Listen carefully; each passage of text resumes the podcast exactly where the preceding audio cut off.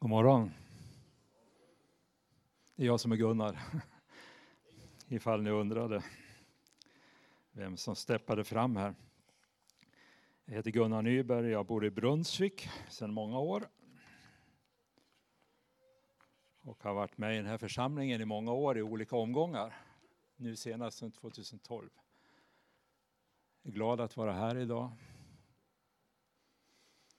tänkte att vågar de sjunga den här sången i Mora idag? Alla ting runt omkring smälter bort som snö i ljuset av hans värld. Kan man göra det med trovärdighet?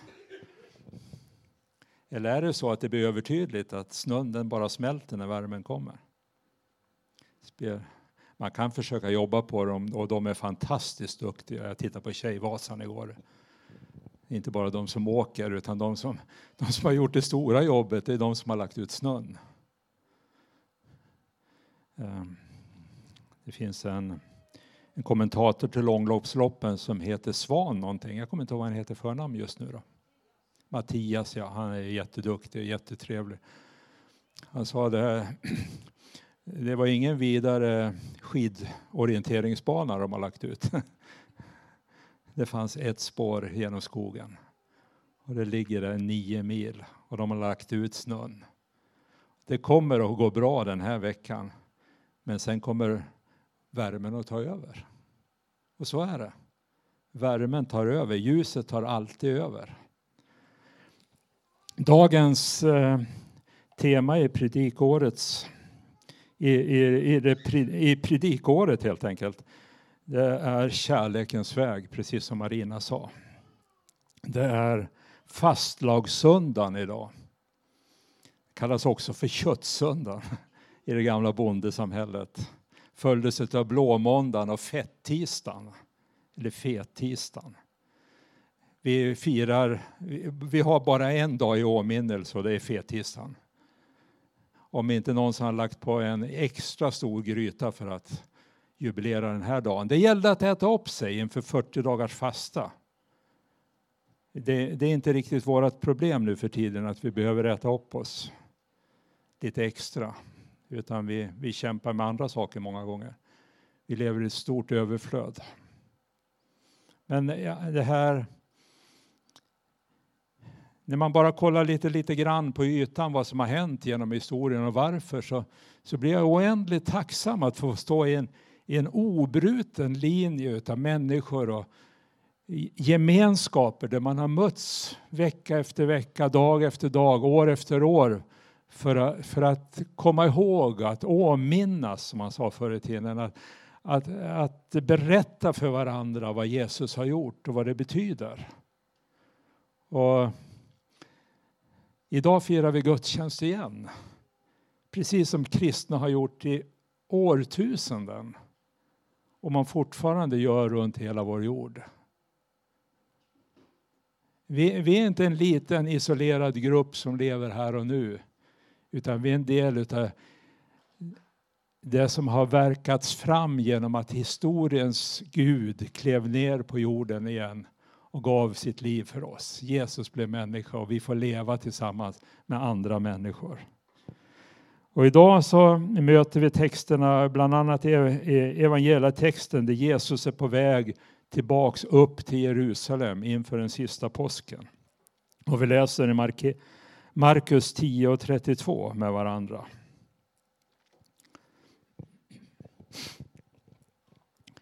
Tredje förutsägelsen om Människosonens lidande heter det. Texten som de har satt in där, bibelöversättarna.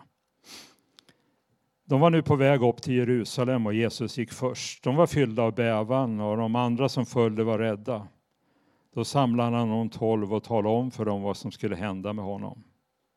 Vi går upp till Jerusalem. Människosonen ska över, utlämnas åt översteprästerna och de skriftlärda. De ska döma honom till döden, utlämna honom åt hedningarna och ska göra narr av honom och spotta på honom, prygla honom och döda honom och efter tre dagar ska han uppstå. Jakob och Johannes, Sebedaios söner, gick fram till honom och sa När Jesus har berättat det här, då har de, de verkligen någonting viktigt på sina hjärtan alltså. Då kommer de fram till honom och så säger de Mästare, vi vill be dig om en sak.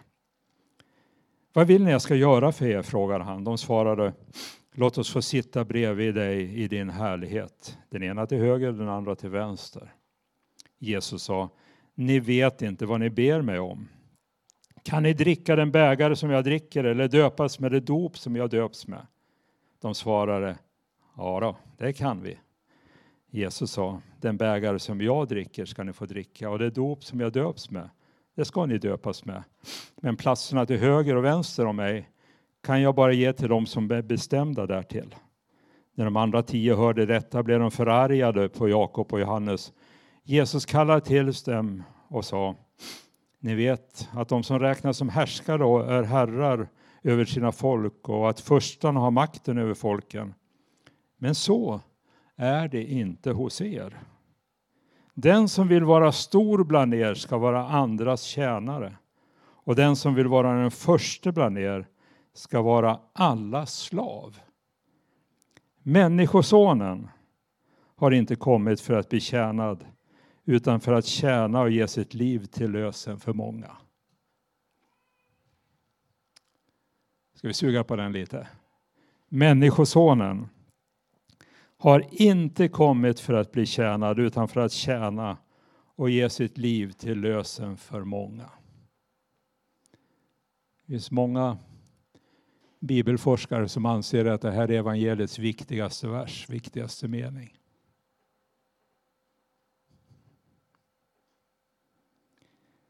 Jesus hade ett annat perspektiv. Tyvärr måste vi säga att Jesus hade ett annat perspektiv än att vi fortfarande ofta har. Vi är så lik Jakob och Johannes. Vi är så väldigt lika honom i, i vår jakt efter bekräftelse. Och ibland så tror jag att det hänger ihop med hela det resonemanget som Jesus för här att kärleken den öppnar för tjänande. Brist på kärlek startar en jakt på bekräftelse. Hans uppdrag var att älska, tjäna och ära Gud. Kyrkans uppdrag vill jag påstå idag, det är att älska och tjäna och ära Gud. Kyrkans uppdrag är att älska och tjäna och ära människor. Kärleken till Gud och kärleken till människan går inte att separera. Amen. Tack för idag. Vi skulle gott kunna sluta här.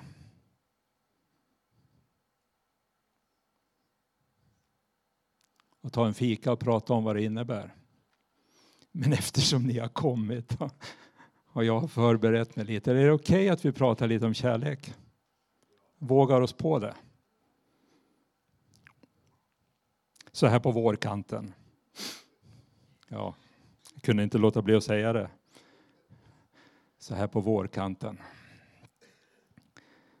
Det är inte alla av oss som är ledsna att det inte har snöat hela vintern. Bara, några, bara någon dag eller några dagar senare efter att Jesus har sagt det och delat det här med sina lärjungar. Han går igenom Jeriko han, han möter en blinde Bartimeus bara i verserna efteråt här och ger honom hans syn tillbaka. Så, så rider han in i Jerusalem och sen så håller han sitt avskedstal och så säger han så här när några av fariseerna kommer fram i, i templet och frågar dem vad, vad har du för grund för att kunna göra sådana här saker? Och då säger Jesus på frågan Mästare, vilket är det största budet i lagen? Då svarar han Jo, du ska älska Herren din Gud med hela ditt hjärta och hela din själ och med hela ditt förstånd. Det är det största och första budet. budet. Och sen kommer ett av samma slag. Du ska älska din nästa som dig själv. På dessa båda bud vilar hela lagen och profeterna. Du ska älska Herren din Gud av hela ditt hjärta, hela din själ och med allt ditt förstånd. Och du ska älska din nästa som dig själv. Det, det, är två bud som förklarar innebörden genom att ta, som vi oftast förklarar innebörden av genom att ta ett i taget. Och det är naturligtvis rätt att göra så. Jesus talar först om en kärlek till Gud som uttrycks med allt vad vi är, allt vad vi kan, allt vad vi förstår, allt vad vi har.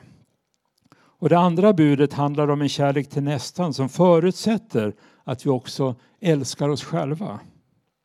Men det jag vill lyfta idag och som kyrkan egentligen, som jag förstår det, alltid har förstått det är att Jesus kopplar ihop de här två buden. Och på så sätt ger en helt ny dimension av kärlekens ursprung och kärlekens uttryck. Vi brukar kalla det för det dubbla kärleksbudet. Det är två bud som förutsätter varandra och ger utrymme för varandra. Det handlar om att det finns ett samband mellan att älska Gud och älska sin nästa. Och om det är så, så är det, det är oerhört utmanande. Nästan provocerande. Är det så att Jesus på fullt allvar menar att kärlek är odelbar?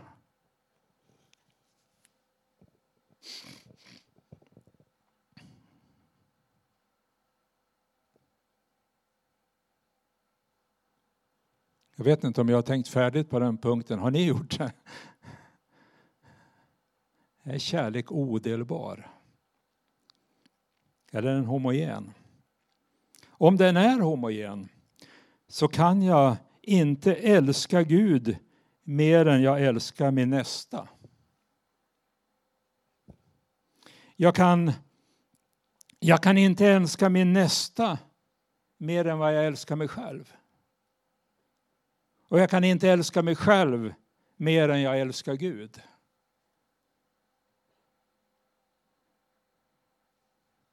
Eller om man, vi vänder på det och så uttrycker vi det som, en, som ett löfte istället. Kärlek har väldigt mycket med löften att göra tror jag. Jag kan älska Gud lika mycket som jag älskar min nästa. Jag kan faktiskt älska min nästa lika mycket som jag älskar mig själv. Jag har rätt att älska mig själv lika mycket som jag älskar Gud och har möjlighet till det också.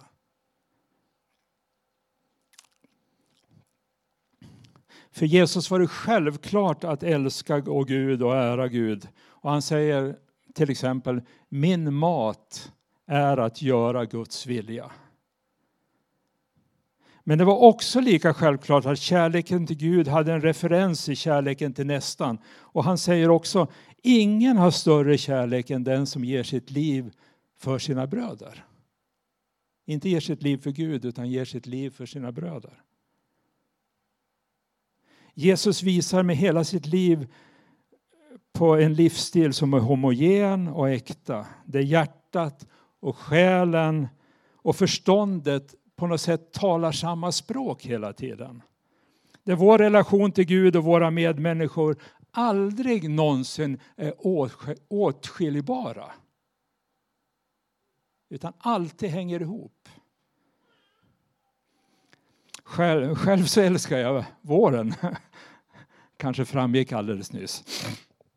Jag älskar när ljuset återvänder. Eh, hela, hela vårgrejen är ju galet tidigt i år, jag inser det. Men jag är fortfarande ännu kanske mer fascinerad utav, för flera veckor sedan när jag såg de första snödropparna komma upp hemma i vår gräsmatta. Och som lyfter liksom löven och gräset och bara finns där. Och i, i ljuset av Jesu ord om kärlek, utav det vi alldeles nyss har sagt, så, så utmanas jag rejält varenda vår när jag ser livskraften som, som är så otroligt tydlig nedlagd i naturen. Ingenting verkar kunna stoppa den här processen som sätts igång när naturens genetiska kod väcks till liv utav utav värmen och ljuset och fukten och de beståndsdelar som behövs. Det finns där år efter år. När jag, när jag klippte syrenhäcken hemma i oktober, det var redan nästa års knoppar stora som min lillfingernagel, lite större, eller toppen på lillfingret. Och den bara väntade på ljuset redan då.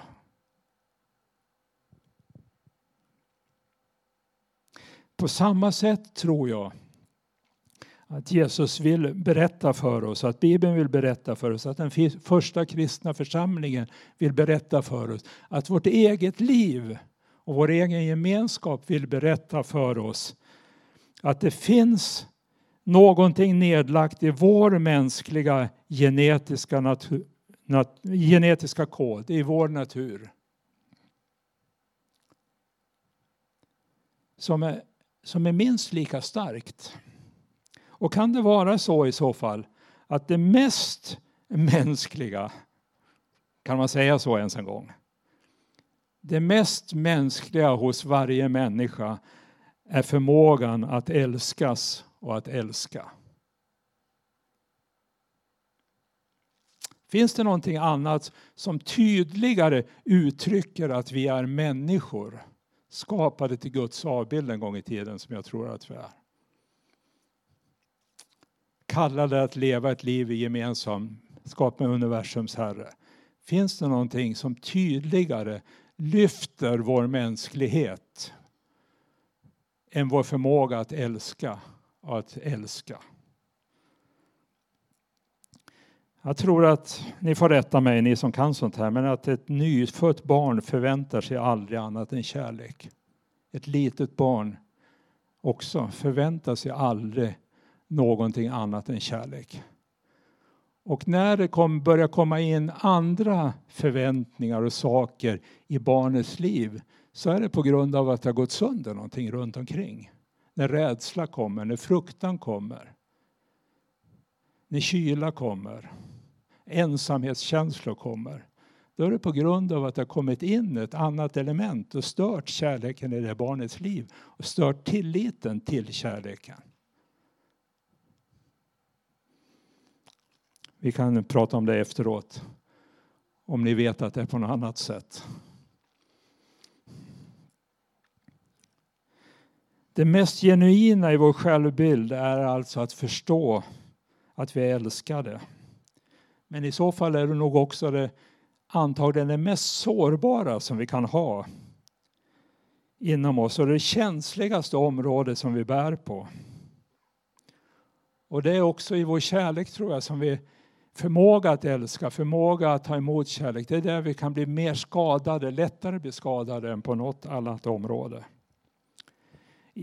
Och ingen av oss går ju genom livet oskadd. Jag har aldrig mött någon som har gjort det. Både på mitt eget personliga plan och på ett övergripande mänskligt plan tillsammans så har vi så lätt att börja bygga murar, att huka oss bakom, att gömma oss bakom. Och frågan som jag har mött av så många människor de sista åren och som så många tror jag ställer sig idag när jag, när jag läser sociala medier, tidningar och tittar på tv och bara pratar med mina vänner det är att om, om verk, kärlek verkligen kan vara en starkare kraft än allt det hat och all den ondska som visar sig på så många ställen runt om i världen och på så många sätt och även in i vårt samhälle, till och med hemma, hemma i lilla Ludvika. Kan, kan verkligen kärleken övervinna allt det här hatet? All den ondska som finns. Och min spaning på livet är i mitt eget liv och de exempel som jag skulle kunna gå igenom det är att Guds svar på den frågan det är korset.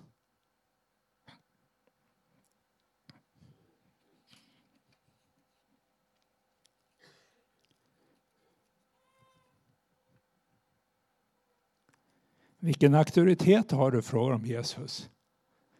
Och han svarade, älska. Älska Herren din Gud. Ingen har större kärlek än att ge sitt liv till lösen för sina vänner. Guds svar är korset. Vår Gud lät sig korsfästas för vår skull. Gud älskade världen av hela sitt hjärta och varje människa som sig själv. Han gjorde det. Jesus kom inte och delade teorier, nya teorier, de senaste smarta idéerna. Han kom att dela sitt liv med oss. Han delade Faderns hjärta, allt det som hade funnits från urtidens begynnelse. Hur kan vi fyllas med samma kärlek? Hur kan vi älska honom av hela vårt hjärta och älska vår nästa som sig själv? Hur kan vi göra det? Jag tror att fortfarande att svaret är korset. Genom försoning, genom att låta oss försonas med honom. Bibeln beskriver försoningen med människa och Gud som att vi blir födda på nytt. Vi får en ny start, vi får börja om. Allt det gamla är bakom. Jag, jag gillar att säga det på det här sättet och har alltid tyckt om det. Vi kommer tillbaks till vårt eget ursprung. Vi hittar oss själva igen alltså. Räddad från mig själv blir jag mitt äkta jag igen. När allt det andra får tvättas av. När rädslan får tvättas av. När besvikelsen får tvättas av. När alla mina felsteg får tvättas av. Så letar Gud fram det äkta i oss och låter oss se att det finns där i hans ögon och vi kan känna igen oss själva i det. Paulus säger i Romarbrevet kapitel 8 att en av den heliga andes största uppgifter hela tiden det är att, vet ni vad det står? Att vi ska profetera dag och natt.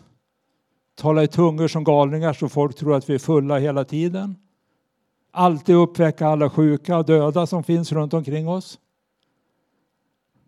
Nej, det är också bra. Det är jättebra, jag längtar efter mer utav det. Låt mig inte, det kunde låta som att jag raljerar, men jag gör inte det. Jag, jag gör det inte.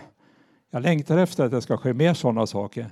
Men i Romarbrevet i kapitel 8 säger Paulus att den helige Andes en av hans största uppgifter det är att hela tiden berätta för oss att det inte finns någon fördömelse för den som är i Kristus Jesus.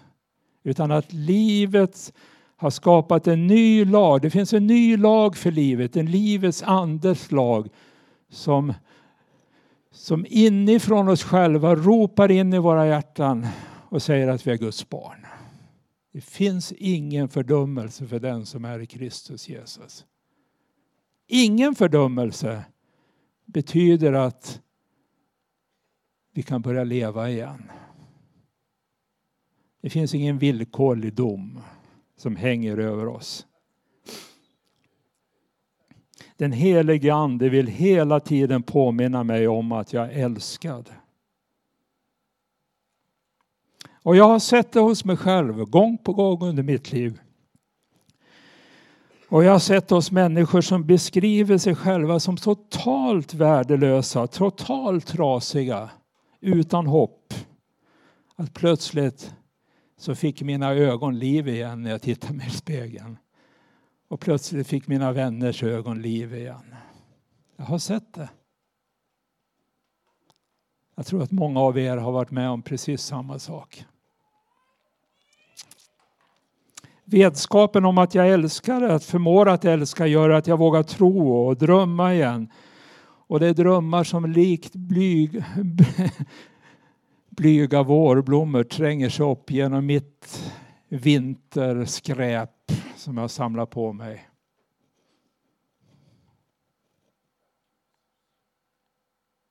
Mm. Kanske är det en orsak att vi älskar vintern trots allt, att snön gömmer så mycket elände smutsiga löv och allt det där. Men det som göms i snö kommer fram i tö och då behöver någon ut och kratta och det gör Gud. Han krattar bra i våran manege. Han gör det. Han städar som ingen annan. Mm. Så summa summarum, det är när vi möter Gud ansikte mot ansikte med universums skapare, med han den enda som kan döma oss. Det är bara då vi kan bli fria. Då är det bara då vi kan börja våga drömma igen. Det, det är därför att vi möter kärleken. När vi möter Gud så möter vi kärleken. Och Bibelns budskap är att all människohandel, all apartheid, all främlingsfientlighet, allt förtryck, all diskriminering, allt utnyttjande av en annan människa på vilket litet område som helst. Det är en kränkning utav Guds bud. Det är inte okej. Okay.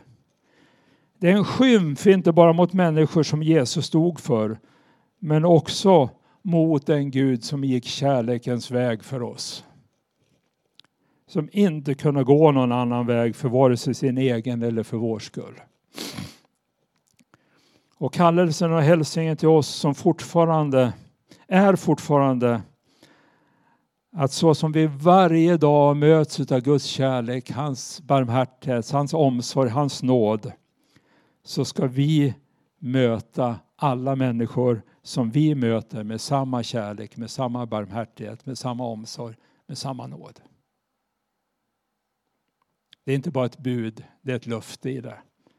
Det finns en möjlighet att göra det. Men vi är ju inte Jesus. Nej, jag vet, vi är inte Jesus. Just därför så behöver vi komma gång på gång tillbaka till honom och säga Gud förlåt mig. Jag brast igen. Kärlekens väg är inte en plats. Vi är inte flyttade direkt ifrån jordelivet upp till himlen och sittande på Guds faderns högra sida. Det är inte vi som sitter där. Vi ska aldrig sitta där. Den platsen var beräknad för någon annan. Livet med Jesus är en väg. En vandring. Och den första kyrkan kallade sig för vägen. Eller vägens folk. Man gick den. Det, det, det hände någonting hela tiden. Man var i en process. Och idag så är jag lite närmare Gud än vad jag var igår. Idag är mitt liv lite mer helgat än det var igår. Imorgon kommer det vara en helt annan historia för då rasar jag ner igen. Men jag får be honom om förlåtelse och börja om. Ibland har vi gjort det lite för lätt för oss när vi säger en gång frälst, alltid frälst. Liksom. Och vi, det är jättegott att ha en stund att tänka tillbaka på när jag böjde mina knän första gången och överlämnade mitt liv till honom. Men vet ni, jag gör det varje dag.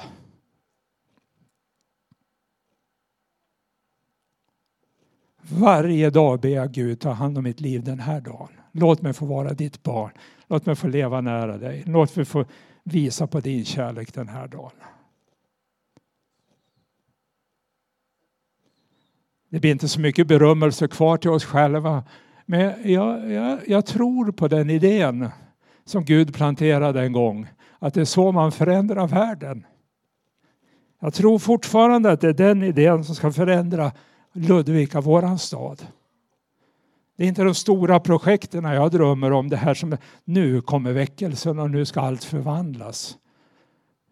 Men jag tror på att det kan hända små bra saker hela tiden. Därför att vi är ett folk som går tillsammans med Jesus. Jag drömmer om att Korskyrkan i Ludvika ska vara en sån plats det är människor kommer in här och säger äh, jag kan inte riktigt sätta fingret på det men det är någonting i atmosfären. Det, det är någonting alltså. De, de har någonting. Jag, jag blir sugen på det. Jag, jag, tänk om man kunde få, få uppleva det själv. Där vi inte pushar människor in i Guds rike utan de får upptäcka det på ett sådant sätt så att, det, att de dras på ett sådant sätt så att det inte går att stå emot. Därför att kärleken har satt klorna i dem. Inte vår kärlek i första hand, men Guds kärlek. Och Guds kärlek uttryckt genom oss.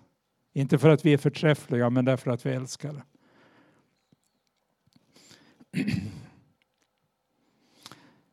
Amen.